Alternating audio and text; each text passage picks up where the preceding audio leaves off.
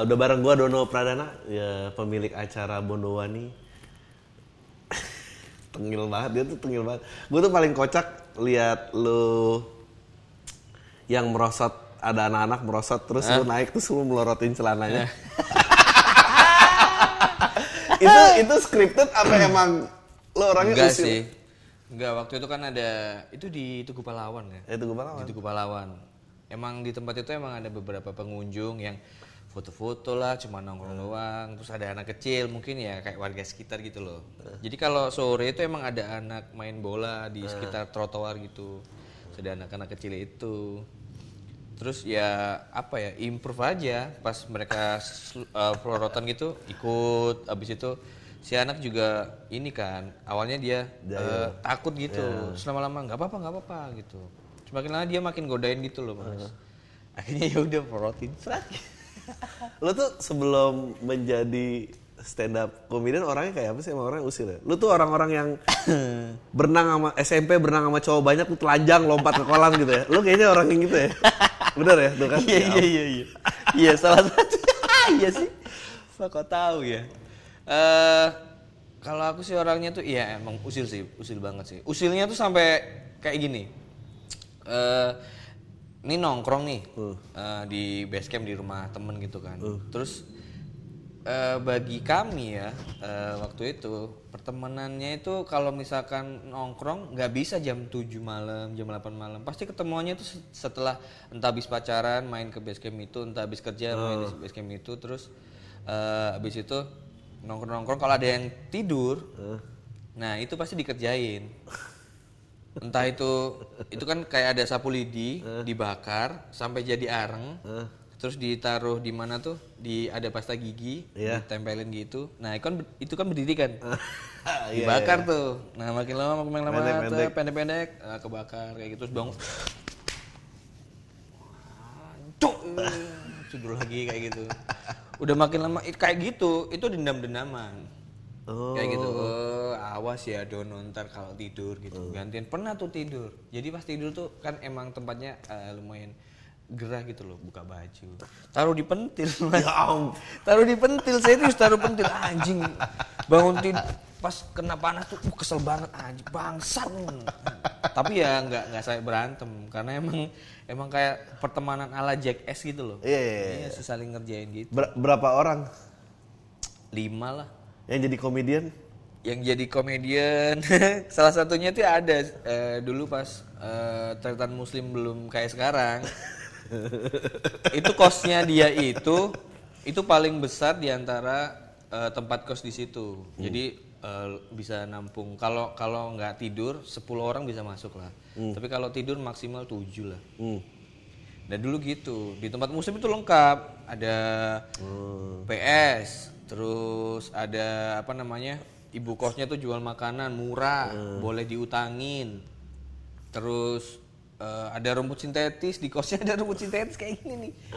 Ngapain coba ada rumput sintetis? Nah main PS Terus kalau ada yang eh, nggak asik gitu pas giliran nunggu PS ketiduran dikerjain kayak gitu.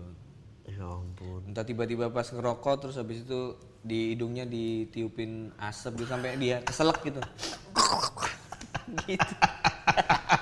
Gitu gitulah Lu nggak ngusilin guru gitu pernah nggak? Ada ceritanya pernah.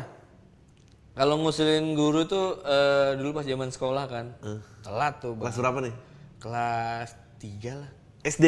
bukan eh, SMA SMA Oh SMA, oke. Udah udah telat. Udah telat tuh. Pas udah telat sering banget dihukum. Sering banget dihukum. Terus kesel sama gurunya kan. Pas sama gu- eh, sama guru BK nya gini kalian semua tunggu sini. Ada total tiga orang tunggu di sini. Saya mau keluar dulu. Ya pak gitu. Dia orang kok lama banget. Nah di meja guru itu ada nasi bungkus. Ada nasi bungkus sama anak-anak sambil dihukum sambil makan. Makan makan makan makan makan. Udah dimakan terus buang. Dimakan nasi bungkus oh, iya, terus. makan. Nasi bungkusnya. Terus dia tuh sempet gak sadar nggak sadar kan? Udah masuk kalian ke kelas. Pas ngajar curhat dia gitu. Saya itu salah apa sama kalian itu? Pagi itu ngajar kalian itu susah. Berangkat rumah saya jauh. Beli nasi bungkus. Eh kok dimakan gitu? Hah? Terus ada yang bilang, lah tahu dari mana pak? Ya itu bungkusnya dari tempat sampah saya gitu. Maaf Pak Mitro, namanya Pak Sumitro waktu itu. Maaf Pak Sumitro, jadi nasi bungkusnya saya yang makan. Gua gua guru-guru yang gue isengin ya gue namanya inget sampai sekarang gitu kayak nggak nggak enak gitu. Siapa? Gue tuh dulu eh, yang paling parah. Sebetulnya gue bukan orang yang iseng sih. Mungkin agak beda kayak lu tuh emang kayak iseng terus sering kumpul lagi. Gue tuh orangnya eh Pingin tahu isengnya Adriano Colby itu kayak gimana? Kayaknya udah pernah diceritain sih. Tapi ada dua yang yang di, yang di stand upin kemarin yang anak setan itu yang semua setan setan itu. Sama ada tadi kelas 5 SD. Dulu kan kalau ganti catur wulan anjing masih catur wulan lagi. Lama banget. bukan bukan semester gan- ganti catur wulan kan Ganti A buku 5 lima A ganti 5 B gitu kan. Nah, terus eh, guru agama nih nah gu- buku agama 5B-nya itu nggak ada dicari mau di Gramedia, di toko mana buku nggak ada pokoknya 5B nggak ada. Iya. Terus gurunya bilang, gurunya bilang eh ya udah kumpulin duit fotokopi aja, terus saya fotokopiin. Terus gua nggak tahu kenapa tiba-tiba gua keluarnya gitu, ah bapak nih bisnis kecil-kecilan ya gitu. Terus gu- gurunya langsung, Baper. ya udah kelas ini gak usah dapat buku pergi, pergi terus satu kelas marah gara-gara kan ngerugin yang lain dong. Terus udah balik kelas datang langsung siapa tadi Adri nih pak gitu. Kamu nih ngomong bisnis kecil-kecil emang kamu ngerti bisnis itu apa gitu. Terus gue bilang bisnis itu tindakan mencari untung dengan modal sekecil-kecil ya pak gitu. Langsung dijawab. Tapi itu kayaknya pengalaman ngebom pertama sih. Tapi itu joke bagus gitu. Cuma tempat dan situasinya salah. Iya, iya. Tapi eh, emang zaman kecil dulu mungkin lebih menarik mungkin ya. Kalau sekarang tuh eh resenya itu nggak di kehidupan sini, kayak resenya itu malah di eh, di sosial medianya gitu. Iya, ya gue beruntung sih SMA tuh gue nggak nggak ada sosial media. Iya, jadi apa ya kayak ngisengin-ngisengin ya nyolong handphonenya mungkin terus habis itu di kayak gitu. Masih sebatas itu. Ah, cupu lah. Kita nggak kita nggak jadi orang yang itu kan yang ngerasa angkatannya paling keren kalau yang baru pasti lebih cupu gitu. Enggak sih, anak 90-an sih pasti eh 90-an ke bawah lah. Pasti ngerasa keren juga lah. Karena kalau ini ya, zaman sekarang tuh sebenarnya mungkin sama ya pergaulannya. Cuma eh, nilai kesopanannya yang nggak ada. Wah, coba coba coba coba coba, coba. gimana nilai? Zaman dulu ya, zaman dulu itu kalau misalkan dimarahin guru, Ya. itu tuh sebuah ancaman gitu loh. Iya, benar, benar, benar, benar, Jangan sampai guru itu marahin kita lagi gitu. Iya. Kalau zaman sekarang dimarahin, itu bisa, Bisa ditantang. balik, ya. Bisa ditantang loh, kayak gitu tuh. Terus kalau Karena misalkan dia tahu nggak bakal dipukul. Mm-mm, iya, nah kayak gitu tuh. Dulu tuh dipukul guru tuh rasanya ya pengen ngelawan, Iya, tapi nggak bisa karena bisa, kita iya. masih masih ada batasan respect sama eh, namanya guru ini. Kalau sekarang tuh sampai dipukul ganti lah, sampai dibawain celurit lah. Ya, atau dibikin viral dan segala macam. Nah, kayak gitu-gitu tuh. Ya, Mungkin bedanya itu sih. Oke lah kalian sekarang jadi generasi yang asik, informasi lebih banyak eh, didapat gitu kan. Kalau misalkan kalian nggak masuk sekolah cukup cari info di eh, handphone. Tapi dulu kan nggak bisa kayak gitu. Eh, gue tuh tadi baru baca tweetnya siapa gue lupa dia nge-tweet kayak eh, dulu nggak inget nggak kita mikir bahwa manusia itu bodoh karena kekurangan informasi? Ya berarti itu salah ya. Karena informasinya udah bebas tapi tetap bodoh gitu manusia. Itu menurut gue bagus banget tweetnya kayak anjing bagus sih bener Sebenarnya kalau sekarang ya informasi tuh nggak cuma bisa didapat di sekolah sih, ilmu bahkan ilmu, ilmu tuh di jalanan pun itu juga juga juga ilmu namanya kan. Kita ngobrol sama orang, seorangnya tuh penuh wawasan gitu, terus dia ngasih obrolan-obrolannya, iya juga ya bener, ya. itu kan udah masuk ilmu kan. kamu pernah di jalanan Pernah. sebelum jadi ko- komedian ngapain sih Waduh, sebelum jadi komedian ya. Eh, dulu tuh pas masih kecil mas, itu kan tinggal di daerah di Surabaya tuh, eh, ibu bapak masih ngekos. Ah. Ini ntar ada efek-efek suara sedih gitu. ada nggak sih? Buat mempertebal gitu loh. Anjing. Apa mulai harus diedit gitu ya, Pam ya? Iya, harusnya sih. Udah ngikutin zaman gitu loh, jangan benar, kosongan. benar, benar, Iya. benar, benar, benar, benar. Eh, dulu tuh tinggal masih ngekos Hmm. Di Surabaya. Terus di tempat kos itu eh, teman-teman kecilku itu Hmm. ya rata-rata emang orang-orang yang nggak mampu banget. Hmm. Jadi ibunya cuma jual eh, kayak apa ya? Kalau di sini namanya apa? Kalau di Surabaya istilahnya botok itu apa ya? Nasi bungkus. Eh, ya kayak nasi bungkus gitu, pepes-pepes gitu. Iya, iya, iya. Nah, kayak gitu. Terus dia membantu orang tuanya dengan cara ngamen. Hmm. Hampir semua tuh satu circle di tempat itu. Nah, kebetulan mereka juga temen SD. Hmm. Namanya anak kecil kan ikut-ikutan gitu. Eh ke mana gitu. Kayak dulu tuh Wah nggak ngamen ah anak orang kaya gitu. Padahal ngekos tuh dibilang Anjing. Standar standar kayaknya rendah juga ya kalau nggak ngamen orang kaya. Waduh. Iya, gila. Pergaulan. Iya apa ya nggak ngamen orang kaya orang kaya. Nah entah kenapa dulu pas masih kecil itu kayak menjadi sebuah bulian gitu loh. Iya. Aku bukan orang kaya, aku sama seperti kalian gitu. Ngikut, Oh gitu. ngikut tuh ngamen, kecek kecek kecek gitu, terus dapat duit. Dapat duit dulu tuh cuma eh kan dikasih 100. Terus dapatnya tuh 3000. Banyak juga nih 3000 ya. Itu udah udah mewah banget itu, Mas. Orang dulu zaman SD aku sekolah tuh Lahiran berapa sih, Don? eh, 89. Oke. Eh, SD itu 500 itu apa Iya. sehari itu 500 rupiah. Itu dapat 3000 udah anjir udah sultan banget nih. Udah songong nih jalan ke kampung tuh. Wah, mana mana pak? Mana tuh? Sini pak ciloknya pak. Sini pak. Wah, gitu gitu nggak mau beli satu. Satu plastik pak. Wah, anjay. Terus ngamen ngamen ngamen. Terus ah, nggak tahu kalau ternyata itu jadi masalah buat keluarga Karena malu. karena malu. Karena malu. Terus di ibu tahu di- ibu tahu itu dari dari tetangga biasa tetangga. Semakin miskin kan semakin sering ngomongin orang kan.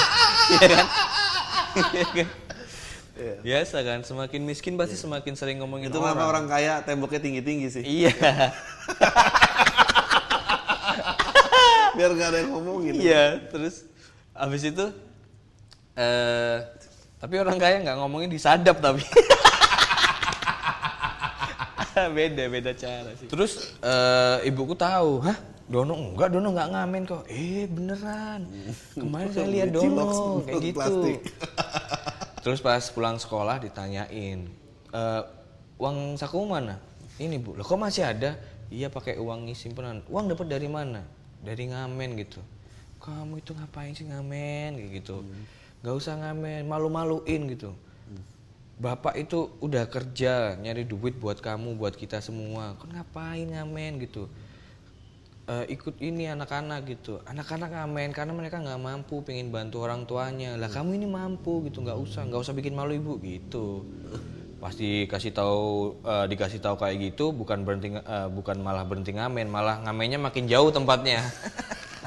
Jadi iya di lampu merah jauh gitu jadi harus jalan dulu atau eh, naik pick up gitu nebeng pick up terus ngamen di situ ya namanya anak kecil gimana coba Tapi ngamen-ngamen gitu ada yang punyanya nggak sih? Ada premannya izin? Kalau dulu ada, jadi kan dulu ada jatahnya gitu ya. Jam segini itu biasanya kalau yang kalau yang udah senior bawa gitar tuh, eh, ada ada ini ada Ada stratanya? Ada stratanya. Kalau masih bocah tuh masih kecekan. Kalau udah remaja bawa yang kayak apa namanya? Apa ya? Namanya kalau di Surabaya tuh kentrum, gitar Iya, kecil. tuh. gitar kecil itu. Oke, ukulele gitu kan. ukulele, Iya. ukulele. Kalau udah gede bawa gitar tuh. Nah, itu. Kalau udah ekstrim bawa anak tuh udah. Kolaborasi. Kolaborasi. Itu dan eh, peralatan yang dibawa juga menentukan hasil ya kayaknya ya. Iya, kalau kita emang Pokoknya semakin semakin semakin banyak anggota keluarga yang diajak itu pasti makin makin banyak kayaknya. Bapaknya gitar, ibunya bawa anak gitu. Terus Dan ti- 3000 tuh sehari dalam berapa jam? Sehari ya bisa tergantung bisa sampai dua jam, tiga jam. Oh, tergantung betah-betahan gitu sih. Biasanya kalau kalau ngamen tuh eh, Nyetor pal- nggak? Nyetor Enggak, enggak ada. Ngamennya itu, Mas, kalau misalkan tergantung cuaca. Kalau cuacanya semakin eh, semakin cuacanya makin ekstrim, makin banyak dapatnya. Oh. Hujan-hujan tuh misal. Oh. Hujan-hujan tuh kayak kecek terus kayak sok-sokan kedinginan gitu. Itu orang tuh masih "Wah, kasihan banget. Kasihan ya ya ya ya. ya. Aku beri ah gitu, kayak gitu tuh. Padahal kalau orang udah hijau bablas gitu, ah lumayan juga nih.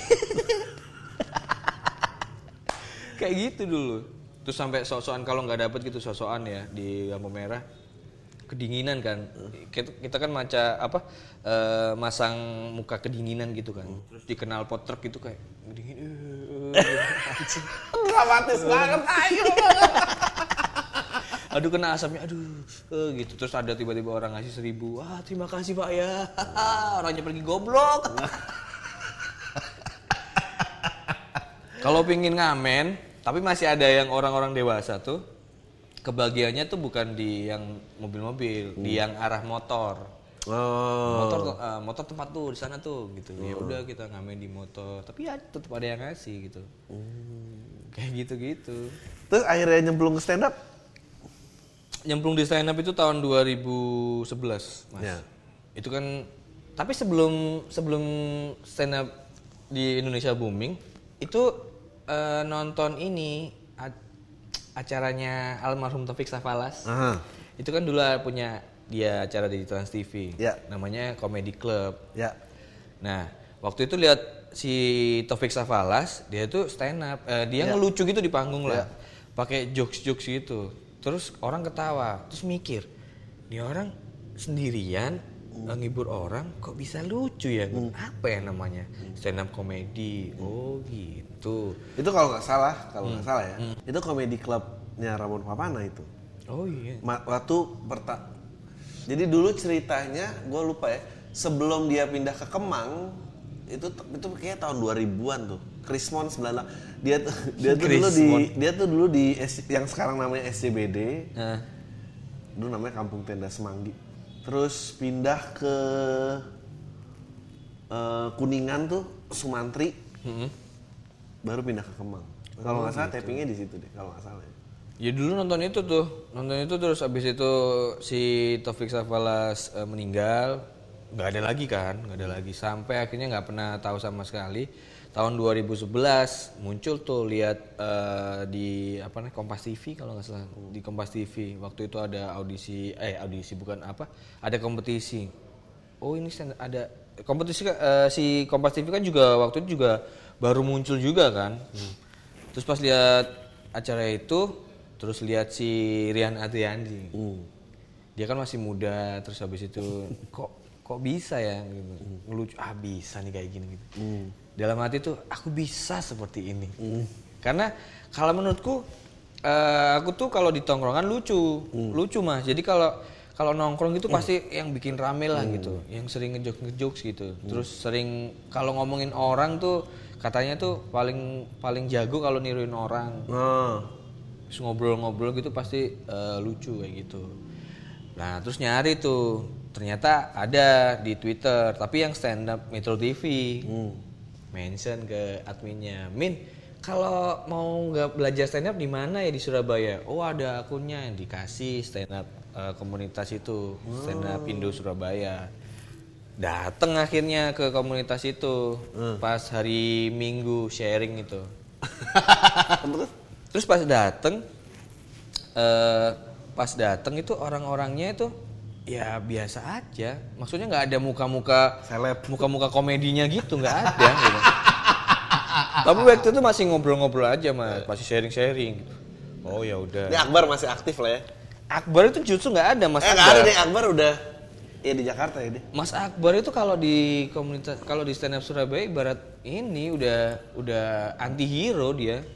Anti hero maksudnya? bukan bukan bagian dari Oh, komunitas iya, iya, karena dia dia, sendiri aja. emang nggak berawal dari komunitas dia kan emang berawal dari komedian Jawa Timur gitu Hmm. dia sebelum stand up dia udah jadi komedian Jawa Timur terus pertama kali nyoba stand up di kafe entah kenapa pas nong- nongkrong jadi ada kafe di tengah kota itu nongkrong di situ lagi bumi buminya stand up si ada acara akustikan gitu terus setelah akustik berhenti ada ini MC-nya bilang eh sebelum kita memulai akustikan lagi, kita mau bikin acara seru-seruan nih gitu.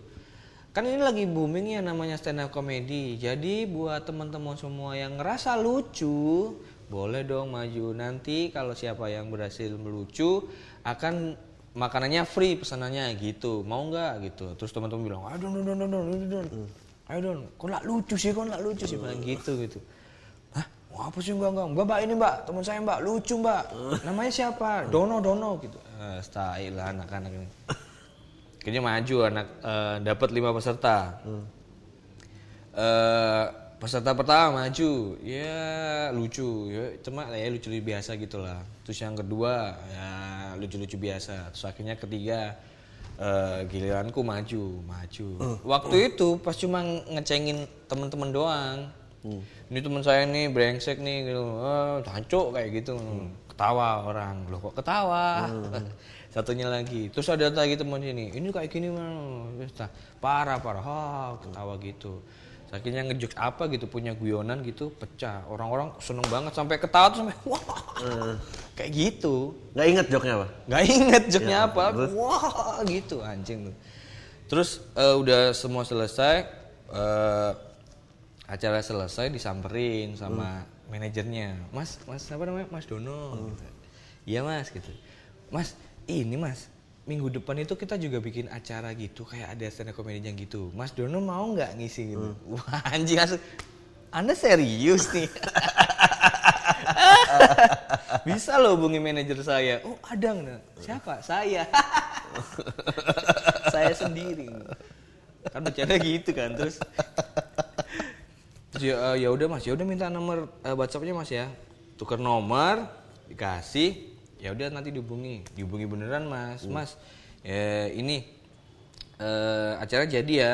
Boleh minta fotonya Mas Dono nggak buat poster? Ah, anjing buat poster banget tapi aku minta waktu itu nggak usah Mas. Nggak usah pakai poster-posteran pakai nama aja gitu. Namanya pakai Dono gitu. Terus kayak kombut gitu Mas sebelum acaranya. Misalkan hari Sabtu hari Kamis tuh udah ngumpulin anak-anak brengsek-brengsek tuh. Ayo kombu apa namanya? Eh ini aku punya materi kayak gini ceritain. Terus terus mereka pas pas denger anjir lucu banget lucu sumpah lucu lucu lucu lucu gitu. lucu aman ya oke gitu. Pas hari H entah kenapa suasana beda kok makin deg-degan ya gitu. Kenapa ya gitu? Kok deg-degan ya? Kenapa ya gitu? Terus pas MC-nya nge-present eh habis ini kita ada acara stand up comedy acara lagi booming banget sekarang di Indonesia nih. Dan kita punya satu pelawak yang akan menghibur kita semua. Kemarin dia main di sini dan bikin semua orang penonton ketawa. Gitu narasinya udah kayak gitu tuh. Akhirnya langsung beri tepuk tangan yang meriah buat Mas Dono. Maju maju. Terus anak-anak tuh udah gitu. Terus ngejokes pertama ada Ingat nggak kena. joknya apa? Ingat banget. Apa jok pertama apa? Yang pertama tuh eh anjing bangsat, bangsat. Bangsat, bangsat gitu. Eh, wah di sini banyak banget cewek-cewek. Ini masnya pacaran ya gitu. Mas kalau pacaran, kalau punya cewek itu kalau usahakan dia tuh eh apa ya? Lupa. Eh suka nonton tagline-tagline televisi gitu loh. Kayak misalkan, Mas kalau punya pacar jangan suka nonton Trans TV. Kenapa Mas? Karena dia pasti milik kita bersama. Wah.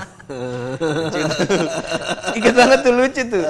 Terus yang kedua, jokes kedua udah mulai nggak kena tuh. Jokes kedua nggak kena. Jok keduanya apa yang nggak kena? Wah lupa, lupa mas. Kalau nggak kena lupa. Kalau nggak kena lupa. Nggak tahu waktu tentang bahasa apa nggak tahu. Ketiga nggak kena. Uff. Keempat mulai keringetan tuh. Wah. Padahal ada AC tuh bangsat kenapa keringetan ya gitu. Kelima udah nggak bisa, eh tai lah turun lah langsung iya nama saya udah pernah terima kasih gitu. Masalahnya si bangsat-bangsat yang nyuruh maju tuh nggak ketawa sama sekali. Terus terus pas duduk jebret bilang kayak gini, kok nggak lucu cok gitu. Kemarin lucu loh. Iya nggak, udah pulang pulang lah pulang lah pulang pulang pulang. Sebisa acara Ini ada bayarannya nggak? Nah, habis acara itu samperin sama ini, sama manajernya. Mas Dono, makasih ya gitu, dikasih amplop itu. Gak usah mas, gak usah mas. Malu mas, ya ampun. Ini mas, mas, gak, gak, gak usah, gak usah, gak usah mas gitu. Saya aja yang bayar mas. Aduh, bikin malu saya. Terus dia bilang, "Eh, nggak apa-apa mas nggak apa-apa iya udah makasih mas ya kayak gitu tapi setelah itu langsung belajar lagi di komunitas stand up tuh mas Hmm. kayak Itu mulai obses tuh ya. mulai obses "Ah, anjing ternyata stand up susah banget ya terus akhirnya pas gabung ada yang namanya premis lah set up punchline atau apalah Eh, sulit banget. Sulit banget serius. Tapi dari situ, dari mulai obses ngegali, belajar apa segala, terus tiba-tiba ngebentuk komedi Sunday yang lebih ekstrim itu karena apa? Dari situ sih dari 2011 itu kan belajar belajar terus sampai akhirnya masih ngebom tuh 8 bulan tuh baru pecah tuh Oke. 8 bulan gabung di stand up, memulai untuk belajar stand up tuh eh, apa namanya? Baru 8 bulan inget banget tuh. Baru dapet pecah. ritmenya, Iya, baru apa? Oh, rasanya pecah kayak gini. Semangat tuh nulis. Akhirnya bertahan sampai sekarang tuh. Terus 2014 itu udah mulai jenuh gitu loh. Hmm. Kan udah mulai banyak eh, referensi-referensi juga kan. Iya. Terus nonton eh, teman-teman komik-komik stand up in Indonesia gitu pas lihat video-videonya udah semua hampir hampir semua tuh tak lihat gitu loh. Tapi ya gitu-gitu aja gitu. Kayak ngerasa udah bisa, udah bisa gitu. Terus nonton eh, komedi luar dibanyakin gitu. Terus makin mikir terus sampai kapan ya ini eh, stand up kayak gini-gini terus open mic ada show, ada tour, kayak gitu-gitu terus gitu loh. Jadi kita itu komik-komik yang bukan nggak sampai masuk di TV. Dulu kan kalau Ya, status berhasilnya Mm-mm. dulu kan kalau misalkan belum masuk TV, ya berarti masih komik-komik lokal, komik daerah, komik komunitas kayak gitu. Kalau udah masuk TV tuh udah paling nggak udah labelnya udah komik artis lah dan layak untuk diajak show, layak buat bikin spesial show. Sampai kapan kayak gitu? Akhirnya bilang ke komunitas, mau nggak eh, bikin kayak gini acara rutin sebulan sekali gitu. Oh ya udah mau mau, setuju tuh. Tapi karena dilempar di komunitas dan banyak kepala, akhirnya banyak wacana-wacana dan banyak pertanyaan-pertanyaan. Nanti kalau udah jalan, siapa nih yang urusnya? Kalau udah kayak gini, duitnya kayak gimana nih gitu, nggak jalan-jalan. Akhirnya 2016 baru apa namanya memutuskan untuk ya udahlah bikin sendirilah. Udah bener-bener bikin sendiri. Akhirnya eh, bikin komedi Sunday itu eh tiket yang jual aku sendiri. Nyari venue aku sendiri. Eh, nyari talent talentnya yang main aku doang. Habis itu bikin promo dan lain-lain bikin eh, Instagram itu aku sendiri. Jadi bener-bener semua sendiri. Sampai akhirnya tiket udah sold out terus aduh ngapain ya ini ya? Kalau stand up sendiri nge-MC sendiri. Aneh juga gitu. Terus ada terus ada bantuan teman dari Jogja ada AB namanya Abraham Tino tuh. Mau nggak main di ini eh, komedi klub pertamaku gitu yang aku bikin gitu. ya udah oke. Oke berangkat. Terus ngajak siapa lagi ya gitu. Terus istriku bilang kayak gini eh, iseng-iseng dia bilang gini ntar kalau kamu nggak nemu biar aku aja yang stand up. Serius gitu. Iya gitu emang kamu punya materi? Punya gitu. Bener ya iya gitu. Ya udah akhirnya dia bikin materi sendiri tuh. Ya udah masuk di poster akhirnya. Uh makin nambah bas. Ada tiket lagi nggak? Pengen lihat sampean di ini diomongin istri gitu. Ya udah akhirnya nambah tiket. Eh, jadi.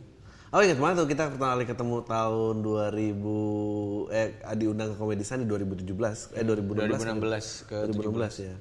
Eh ini mau dibantuin Mas Rey? Enggak enggak mau handle sendiri. Wah ini luar biasa juga nih gitu. Tapi maksudnya a- ada momen apa kenapa kamu pengen nambah tingkat ekstrimnya gitu dalam ngejuk? eh Bukan menjadi apa, tapi tiba-tiba dalam gitu. Karena ya itu, karena semua tuh hampir seragam tuh. Hmm. Waktu waktu tahun-tahun itu ya, semua komedian stand up komedian di Indonesia itu hampir seragam tuh. Kalau absurd absurd semua. Kalau eh, lagi apa namanya zaman-zaman dark dark semua tuh kayak gitu. Kayak semuanya tuh sama gitu loh. Terus habis itu ya pingin aja bikin pembeda gitu loh mas. Kamu tuh jadi sel- selain, selain siaran 100 sama ini sama stand up doang ya? Dulu sebelum gabung stand up sih masih di IO IO gitu. Oh ada IO juga. jadi Iya, iya. eh, jadi ada teman punya IO ya terjun di situ kadang kadang emang kerjanya freelance sih Hmm. Jadi pas memutuskan keluar dari IO itu dan full di stand up karena ya yakin aja gitu loh. Kayaknya sepertinya ini passionku deh. ya gimana coba kita melucu. Cuma beberapa menit dibayar loh. Dan Iya, itu iya, banyak memang, loh. memang, memang, Lumayan loh itu. Ah, Banyak, banyak, banyak. juga ya. Maksudnya ngeband Ngeband aja, aja iya. segi, maksudnya Iya. ya. Ngeband aja prepare-nya harus harus latihan Iya. dulu lah. Latihan juga studio bayar, habis itu belum bayar kru, terus Iya. eh, tiket pesawat dan lain-lain lah kalau. Kalau stand up itu cuma kita latihan udah free nih di open mic komunitas gitu. Habis itu pas ngejob kita berangkat sendiri atau mau ngajak roadman, paling roadman bayar berapa sih kayak Iya. gitu kan. Cuma pas eh, perform cuma hitungan menit Iya. gajinya udah bisa hampir jutaan lebih. Ya, tapi maksudnya gini, kayak be- bentuk tapi lu memang selalu lapar gitu ya orang ya. Maksudnya eh gue sih ngeliat lu salah satu yang bener-bener suka banget stand up gitu. Hmm.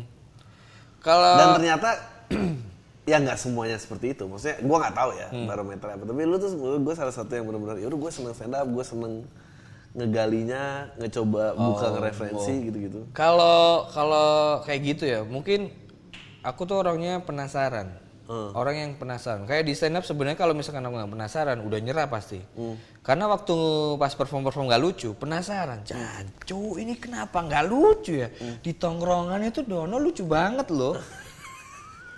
Kenapa pas di stand up nggak lucu ya? Hmm. Apa yang salah ya gitu?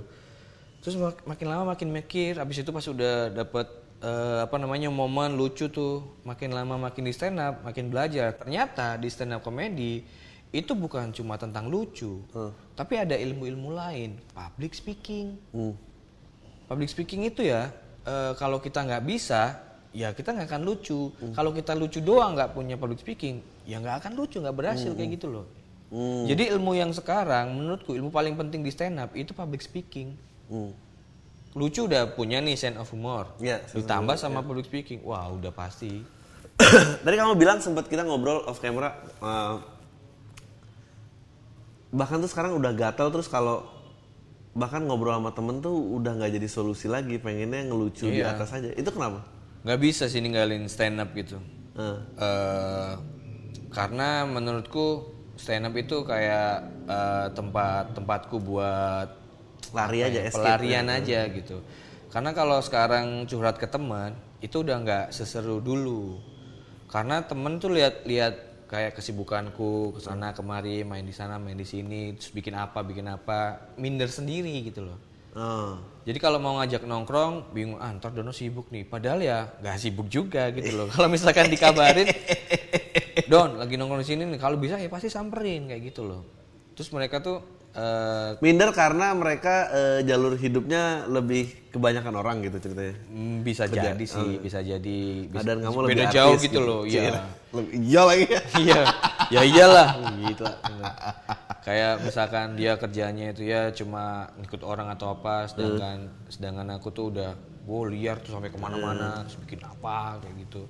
Dia minder-minder sendiri padahal nggak perlu kayak gitu. Harusnya kalau misalkan emang bener-bener seorang sahabat kan nggak kayak gitu. Tapi ya ada beberapa. Dari sekian banyak temen tuh ya ada list-list temen-temen brengsek-brengsek tuh. gitu. nggak bisa tuh cerita sek- sekarang kayak gitu eh, kayak ngeluh gitu. Anjing hidup kok gini banget ya? Nyari duit kok susah amat ya? Gitu. Ah masa Dono sekarang nyari duit susah? Tae tae tae tae gak gitu susah lah sama Sama, sama, sama lah sama, ya. sama. Tapi ini semua tuh ada hubungannya dulu kamu berani ngamen gak sih? Eh, kayaknya sih ada ya. Kayaknya sih ada. Karena eh aku tuh udah eh hidup susah itu lebih lebih lama daripada hidup enaknya gitu loh. Oh. Hidup enak tuh kalau menurutku ya masih ya barusan-barusan aja lah. Kalau susah tuh udah puluhan tahun. Anjing puluhan tahun bangsat. Aku tuh berhenti ngamen, Mas. Berhenti ngamen itu ada kayak apa ya? Kayak panti apa yayasan, yayasan anak jalanan gitu. Yayasan anak jalanan eh, dia itu ngasih beasiswa. Jadi kayak dikumpulin kamu nggak usah ngamen lagi ya. Lu kenapa, Mbak? Aku kan alasannya kenapa kamu ngamen? Mau bantu orang tua buat ini bayar sekolah kayak gitu. Terus ternyata dia bilang, "Kamu mau nggak nggak ngamen tapi nanti kita bayarin sekolahnya." Hah? Serius mbak gitu? Iya mau ya mau ya. Ya udah mau. Akhirnya sekolahku dibayar dari SD sampai SMA. Berhenti ngamen? Ya udah emang ngamen iseng-iseng. Coba kalau misalkan Malah dapat beasiswa gratis. Iya, makanya coba kalau makanya coba kalau misalkan eh, dulu ngamen sampai sekarang, ya mungkin sekarang jadi ah, apa kek anak band atau mungkin jadi aktivis mungkin pembela anak jalanan kayak gitu-gitu. Anjing lucu banget ceritanya. Dapat belas kasihan dari panti gara-gara ini. Iya. Dulu tuh sampai sampai gini, wah anjing panti panti ini baik banget. Terus kalau udah sukses, aku mau eh, bantuin anak jalanan ah kayak gitu. Terus pas ternyata udah ada rezeki lebih gitu, bantuin ikut jalan anak jalanan, ternyata anjing susah banget ternyata diatur anak jalanan. Tai lah bodo amat lah. Bah, kak ngurus raimu aku, Cok. Kita hidup masing-masing aja lah.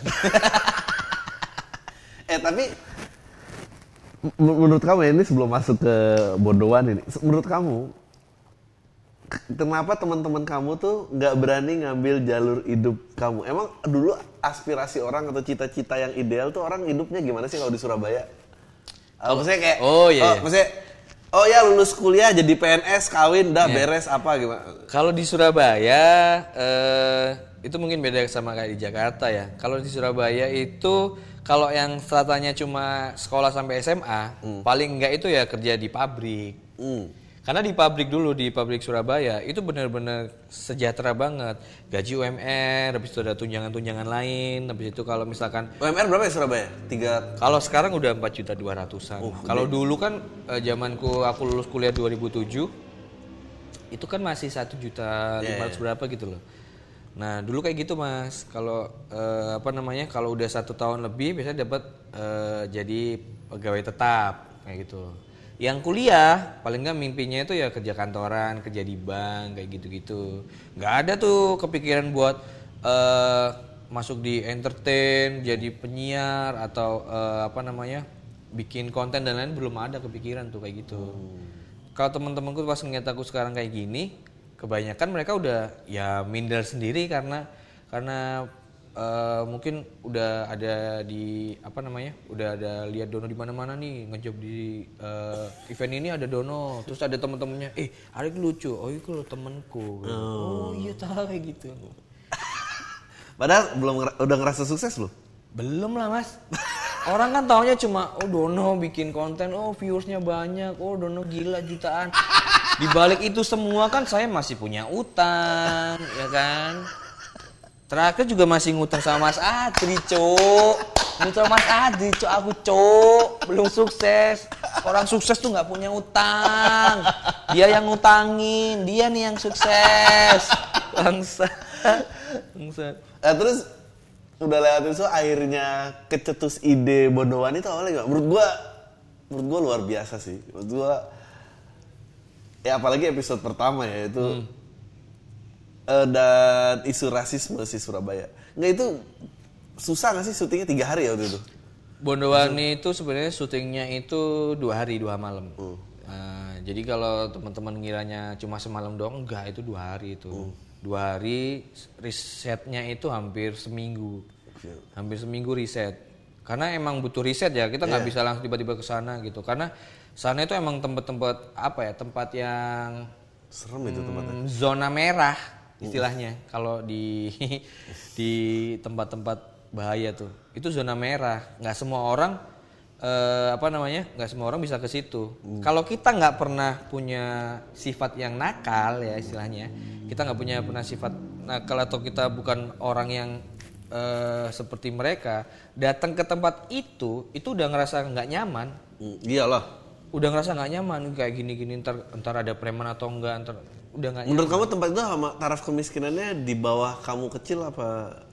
Eh taruh kemiskinannya, hmm, kayaknya sih tempatnya enggak sih karena Eh. karena tempatnya biasa aja sih. Or- Pengunjungnya juga orang-orang yang udah kerja, tapi ya juga ada nggak nggak semua orang yang situ emang niat mau mau ini mau Make. main mau make. Kadang tuh cuma iseng jalan-jalan Ya. doang. Karena di sana itu ada tempat buat judinya. Oh. Nah, pas riset seminggu dikasih tahu sama ada lah orang sana penjaganya gitu. Istilah preman sana bilang, kalau mau bikin video di sini nggak apa-apa, nggak masalah. tapi jangan yang arah sana ya kenapa mas itu tempat orang Yuna itu jangan bahaya itu oh oke oke oke kayak gitu akhirnya bikin dua hari udah selesai serahin dong ke MLI gimana nih MLI videonya Edit, edit, edit. Anjing bagus banget, wih gila lucu banget gitu. Terus si Mas Patrick brengsek tuh bilang, kayaknya ada yang kurang deh Don.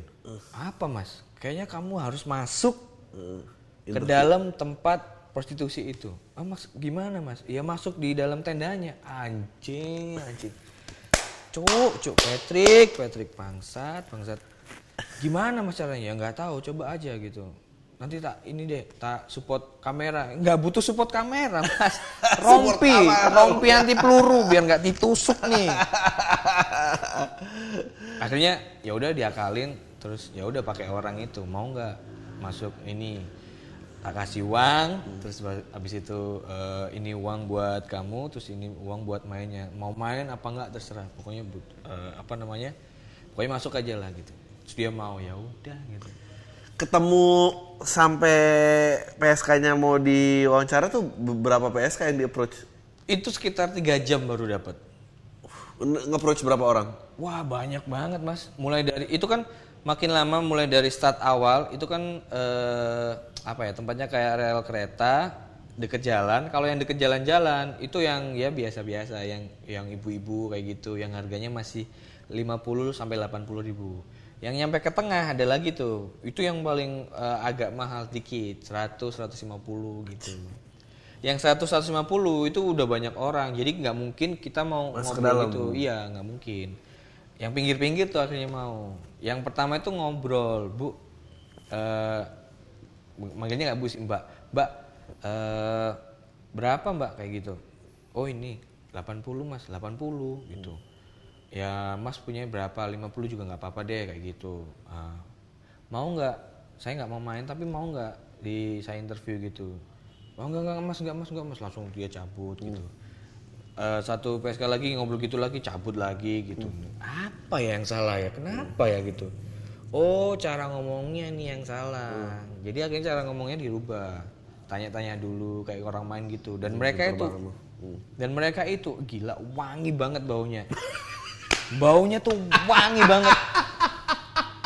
Jadi kan Kenapa ya berkesan wangi terus? jadi kan pas ngobrol di situ, mereka kan kayak eh, mangkalnya di pot-pot bunga gitu loh, tapi pot bunga yang berjejer banyak banget. Nah, pas ngobrol di pot bunga, di pot bunga itu ada lipstiknya, ada rokok, ada aduh. Jadi kayak lemari penyimpanan anjing jorok banget bangsat gitu. Jadi pas ngobrol sama aku tuh sempet-sempetnya pakai bedak gitu. Kan pakai poni gini kan. Mereka ponian gini rata-rata. Pokoknya nggak nunjukin muka gitu. Tapi pas mukanya poninya diginiin gitu, anjing mukanya kayak gitu ternyata. Ternyata kayak gitu mukanya. Terus ngobrol ngobrol kayak gitu. Jadi aduh miris banget deh. Baunya tuh bau wangi campur bau pesing. Bau pesing itu karena tempat yang Iya. mereka mangkal itu ya ada orang-orang timis di situ juga gitu loh. Jadi selama ngobrol tuh nggak konsen. Aduh gimana ya? Dia ngobrol-ngobrol dulu mbak. Berapa mbak? 80 aja mas buat pelaris gitu. Oh 80 emang gitu mainnya gimana mbak? Ya mainnya nanti di tenda terus. Pakai kondom nggak? Nggak nggak pakai nggak apa-apa gitu. Ya udah ayo ayo mas gitu. Bentar mbak tanya-tanya dulu gitu. Udah tanya-tanya terus saya bilang gini mbak gini deh. Mau nggak sampai tak kasih sekitar 300 ribu? Mm-mm. tapi nggak ngapa-ngapain lah. Terus ngapain mas? Sampai ngasih aku segitu. Ya ngobrol-ngobrol aja. Jadi gini mbak. Saya tuh kan mahasiswa tingkat akhir mau bikin skripsi masalah bahas ini prostitusi di Surabaya. Mbak mau nggak nolong saya? Soalnya kalau saya nggak bisa saya nggak lulus lulus nih kayak gitu. Ya wes mau. Eh, tapi mukanya gimana? Nanti tak pakein helm. Hah? Helm? Kok pakai helm mas? Nggak apa-apa gitu gitu. Ya udah akhirnya bawa ke tempat yang agak jauh dari situ. Mau deh akhirnya orangnya. Nah, tapi tapi dia dia tuh kan ketawa kan di balik helm itu kan. ketawa ketawa Nah, dia Itu pakai briefing saya akan ngejok apa ini. Apa langsung aja. Wah, Enggak. biasa lu keren banget lu. tunjukin ini mbak pertanyaannya paling kayak gini doang kayak mbak berapa lama Ya. terus eh, berapa kayak gini prostitusinya tuh kayak gimana udah gitu aja mbak gitu lima pertanyaan terus lainnya ya udah improve improve gitu terus dia ketawa gitu terus pas lepas helm gitu masnya yang lucu terus deh kayak gitu masnya, masnya, masnya ngelucu terus deh. Hmm, wih, saya mas tak kelon ya kayak gitu.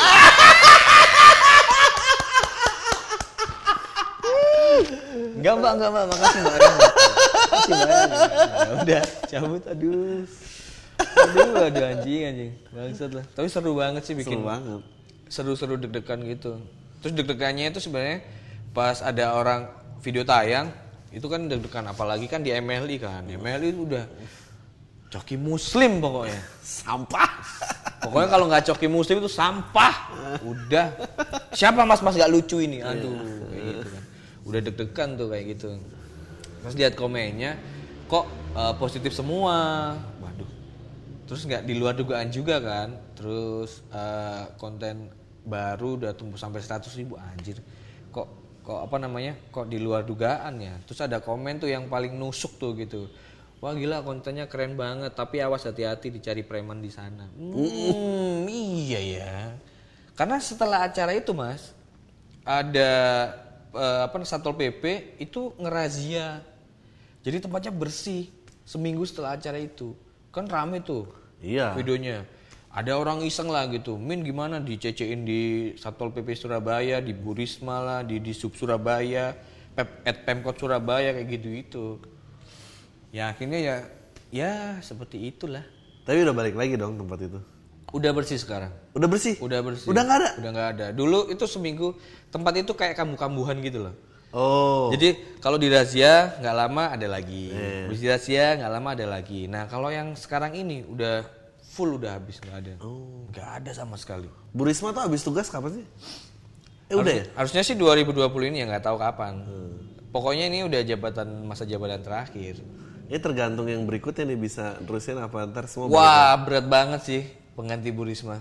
Dan katanya kan Bu Risma diisuin bakal jadi ini kan, jadi calon eh, gubernur Jakarta kan. Kalau kalau aku sih support sih.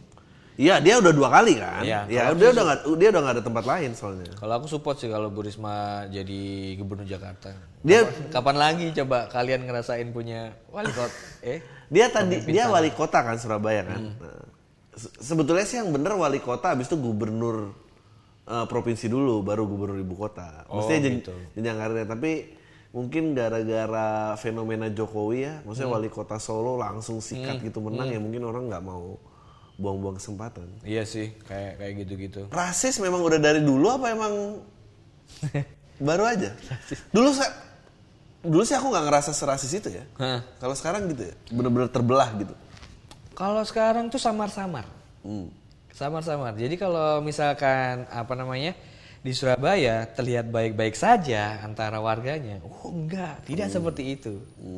Jadi eh, ada tiga ini ya, kita bilang tiga etnis ya, tiga etnis atau tiga suku di Surabaya yang benar-benar itu kayak musuh bebuyutan. Orang Jawa Surabaya, eh, orang Cina Surabaya, sama orang Madura. Jadi kalau misalkan ada orang Surabaya nih lagi nongkrong terus ada orang Madura nih ngobrol-ngobrol kayak gitu ngobrol ala bahasa Madura gitu, eh da, iya cong gitu, eh orang mana di mah gitu loh. Orang Surabaya pasti ngomong ngomong tai arek ini kayak gitu, ngomong tai ini orang kayak gitu-gitu. Tapi nggak ngomong langsung ya cuma cuma eh, apa namanya ngomong pelan-pelan gitu kayak geremeng gitu loh. Habis itu kalau kalau sebenarnya orang orang Madura juga nggak ada masalah sama orang Jawa Surabaya karena mereka juga kebanyakan kerja nyari duitnya di, pendatang, di- iya pendatang mereka nyari duitnya di sini. Kalau sama orang Cina Surabaya itu bukan benci tapi lebih ke dengki sih. Oh. Karena kebanyakannya orang Chinese Surabaya kan kaya-kaya kayak gitu. Itu senopatinya lah ya. Iyalah kalau kalau ya. Surabaya Barat tuh oh rumahnya kan gede-gede. Coba cari, nggak ada pasti orang-orang Surabaya, Jawa Surabaya. Ya ada tapi cuma ya nggak nggak nggak sampai mayoritas gitu. Terus kalau lihat orang kayak gitu pasti dengki. Sampai ada julukan-julukan itu aku baru tahu ya kemarin tuh ada julukan-julukan itu. Kalau kalau orang Jawa Surabaya kalau nyebutnya orang Cina tuh nyebutnya singke, gitu. singke lah gitu. Habis itu eh, kuku-kuku melete lah, kayak gitu. kuku-kuku melete lucu banget. Dan gini loh, mungkin benci Tapi Cina miskinnya ada gak sih? ada. Cina miskin ada, tapi ya nggak nggak nggak apa ya, jumlahnya dikit lah.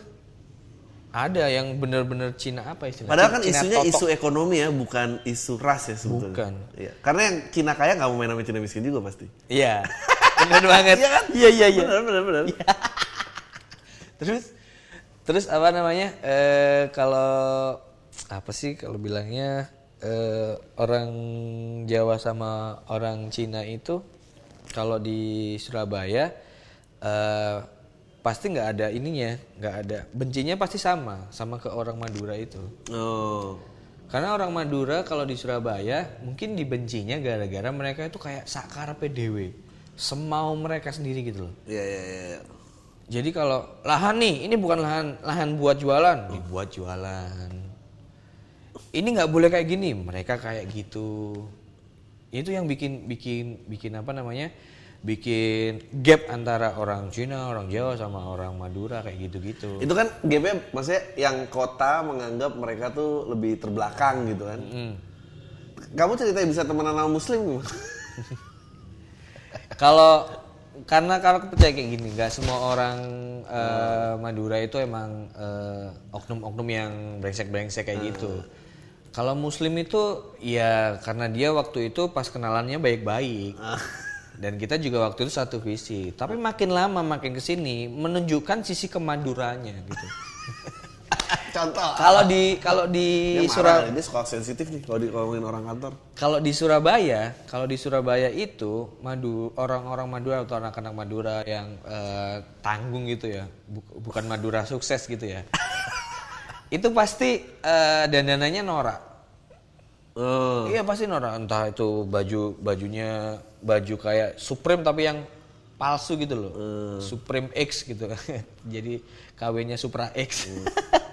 Supreme X habis itu celana kayak chinos tapi sepatunya sepatu futsal kayak gitu loh. Itu kan nggak nggak matching kan. tapi mereka pede. Wow, ini lifestyle. Harajuku nih. jadi eh, jadi muslim waktu itu pakai eh, Muslim pertama kali stand up brengsek dia. Dia pakai sepatu bener sepatu hitam biasa kayak gitu. Talinya warna hijau pupus, Mas. ya ampun. Ijo-ijo rompi futsal tau gak sih? Itu dipakai. Terus pas kena cahaya lampu nyala banget. Norak banget dia. Dia tuh sempat ja- pakai jaket motor juga kan jaket Aduh, motor itu, itu. jaket. Dia pernah ke Zara. Masuk ke Zara, pakai jaket motor itu ya. Security langsung liatin nih orang siapa nih masuk ke Zara pakai ginian. Bangsat, bangsat. Ada muslim punya duit jutaan. Iya. Lebih sukses dari saya. Tapi kelakuannya ya ampun kayak ini orang Sarung terus pakai sepatu Nike Air Max itu kayak Iya, aduh, aduh, nggak bisa. Karena dia itu punya prinsip semakin orang nggak suka, semakin suka dia. Iya, Jadi memang. bikin orang resah, menurut dia itu kayak sebuah sebuah kepuasan tersendiri gitu loh. Hmm. Kayak gitu-gitu.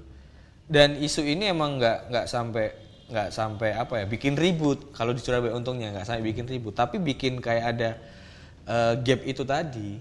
Eh tapi ini tapi menarik nih. Ini tadi lo ini, ini mungkin terakhir ya. Lo yang ngeliat tadi stand up komedi, obses sama komedi, terus lo pengen gali komedi lebih dalam gitu ya. Terus eh, bikinlah komedi Sunday, terus eh, lo bikin konten kayak Bondowani ngeliatin ke ekstriman. Nah, lo kalau sekarang gitu ngeliat fenomena coki muslim tuh karena apa? Kenapa boom? Kenapa boom? Karena kayaknya eh, pasti yang pasti ada orang-orang yang punya selera humor lebih dari sebelumnya. Ya dari maksudnya dari TV gitu lah Hmm, dari ya. TV, dari dari komedi yang aman-aman gitu. Karena karena emang faktanya banyak orang di luar sana yang kalau lagi nongkrong ya, lagi nongkrong itu emang sering banget bercandain agama, bercandain eh, apa namanya ras kayak gitu, bercandain eh, keyakinan atau perbedaan itu sering banget gitu. Bahkan sampai ngolok-ngolokin orang tua kayak gitu. Itu pasti ada.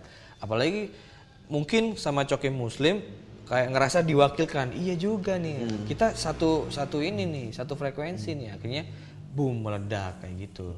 Iya, emang emang Coki tuh menurut gua memang berani banget sih. Maksudnya nyalinya tuh kayak mengakui terbuka agnostik aja tuh menurut gua itu luar biasa sih. Agnostik terus joget-joget.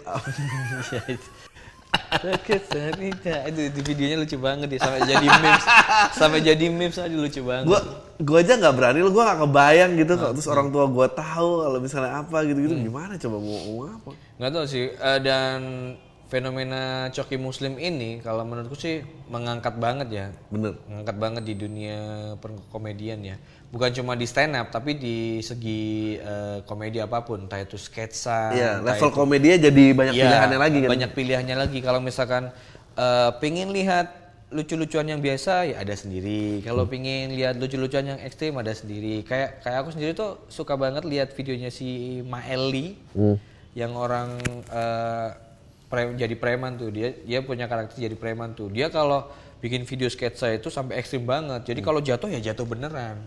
Nah kayak gitu-gitu. Itu kan akhirnya udah banyak pilihan. Terus kalau misalkan pingin eh, video-video yang lucu banget sampai ada jadi banyak orang kayak si Mak Betty itu itu kan kita bisa milih terus kalau suka sama coki muslim tuh nah itu tuh Ah, kamu kalau kalau kamu orangnya eh, ngelihat semua orang yang tersinggung kayak gini-gini tuh kamu lebih takut apa lebih mau nyerang balik?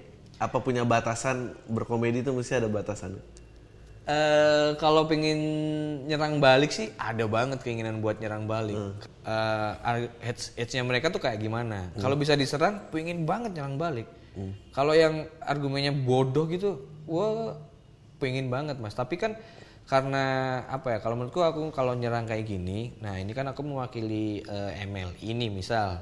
Yang diserang nanti bukan bukan ininya, bukan bukan, Bukan orangnya, personal. jadi Akunya pengakuan. semua Wow. kayak gitu tuh. Oh bijak juga. Sa- sama kayak gini nih Ha- sama halnya kayak gini eh supporter bola lah Ya. supporter bola lah katakanlah bonek ya bonek bikin rusuh bikin rusuh jebret udah bikin rusuh dan lain tapi kan tagline beritanya bonek bikin rusuh.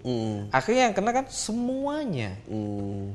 semuanya. Jadi nggak nganggep orang yang rusuh dan kebetulan pakai baju bonek. Iya. orang nggak bikinnya mungkinnya nggak gitu. makanya dulu kenapa komunitas stand up Surabaya itu kan eh, mereka komunitas stand up Indonesia se Indonesia itu kan rame-rame bikin kostum tuh.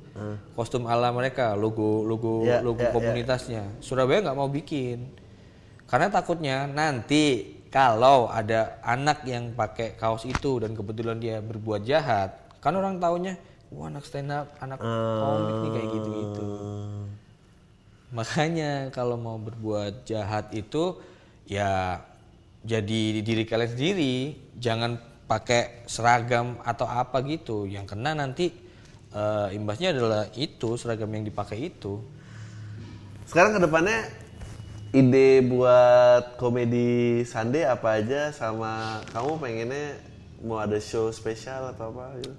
Eh, pinginnya sih kalau misalkan Komisi Sande ya orang-orang di Surabaya atau mungkin Jawa Timur kalau misalkan pengen lihat acara-acara ya nggak perlu nunggu ini nggak perlu nunggu ada eh, komedian-komedian dari luar kota main ke tempat kalian gitu loh ada kita punya wadah sendiri kayak gitu dan dan sebenarnya komedian-komedian dari non Jakarta atau luar kota itu juga mumpuni banget. Iya, Cuma ya emang gak ke expose saja. Nah nanti di Comedy Sunday itu pasti akan akan kita tunjukin nih. Pokoknya nggak Comedy Sunday itu juga nggak bukan tempat semua komik-komik sih. Kita menjualnya pasti ya eh, komik-komik yang kita pilih yang kita ngerasa ini lucu banget nih anak gitu.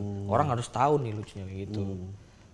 Terus kalau buat Pondowani ya pengennya ya bisa keluar kota, Oh, ngangkat isu tempat lain. ngangkat isu tempat lain. Karena kalau kalau ke Surabaya juga takutnya nanti eh, apa namanya ada istilah ah jago kandang nih. Sebenarnya kalau kalau aku sih nggak nggak peduli bodo amat. Kamu kemarin seberapa jauh baca tentang yang eh, mengaku yang menobatkan diri sebagai Raja Majapahit? Hah? Oh yang itu yang Udah pengen ditangkap polisi orangnya. Iya sih. Karena itu kan Bonowani kan kayak apa ya? eh, Investigasi. Investigasi Ala-ala, ala-ala Vice gitu kan. ah. Nah, kebetulan si Vice belum bahas nih. Panas nih kepingin aduh kalau bisa kepingin ngeduluin Vice nih gitu. Ah. Jadi kalau Vice keduluan kan nanti kalau pas bahas ah ikut-ikut Bonowani ya. gue gue sih gue tuh selalu mendukung lo maksudnya eh paling ngebosenin sih semua orang kalau jadi Jakarta tuh paling ngebosenin sih. Iya. Makanya eh, kenapa Bondowani tiba-tiba boom gitu. Apalagi di Surabaya, di Surabaya gila. nggak tahu responnya luar biasa banget. Dan aku tuh orang yang ngeremehin YouTube. Karena aku ngerasa alah siapa sih penonton YouTube? Ternyata sekarang kalau lagi di mana di mana orang tahu nih. Udah bukan Mas Dono stand up komedian Mas, Dono Bondowani kayak gitu Mantap! tuh ternyata efeknya kayak gitu kan. Anjing ngeremehin banget tuh ternyata. Oh kayak gitu. Makanya sekarang pengen banget bikin yang lebih serius lagi yang lebih dalam lagi. Jadi nggak biar ada warna lah. Apalagi di MLI ya biar nggak biar nggak kalau misalkan suka sama coki musim ya nggak apa-apa. Kalau misalkan suka sama Bondowani ya nggak apa-apa. Asal asal jangan ngatain talent-talent atau program konten- konten-konten lain itu jelek kayak gitu loh. Ah tapi itu mah susah, mau gimana juga? Biarin aja sih. Menurut gua eh ya memang eh maraton ya. Jadi emang harus ngebakar orang-orang ntar lama-lama eh karena memang dididiknya untuk penggemarnya bereaksi seperti itu sih. Eh, kalau lu mau ngelakuin sesuatu yang ekstrim, memang akhirnya kesopanan tuh jadi Iya, iya. lu meminta kesopanan di dalam sebuah hal yang ekstrim gimana ceritanya? Aduh, DM ku tuh isinya cak semua Iya, bangsa. nggak Cak, mungkin. kapan ini cok kamu? Iya. Kenapa so akrab semua sih? Kayak gitu kenapa sih gitu. Oh, Pengennya sih itu sih, Mas. Tapi untuk sementara pengen ngabisin dulu lah Surabaya. gitu. Iya. Ngabisin dulu Surabaya kalau udah sampai udah kering barulah pengen luar kota. Kalau luar kota udah pengennya ya sampai ke luar negeri gitu lah. Ntar ini Dono baru eh, masuk ntar tersiksa akan fame gitu. Iya.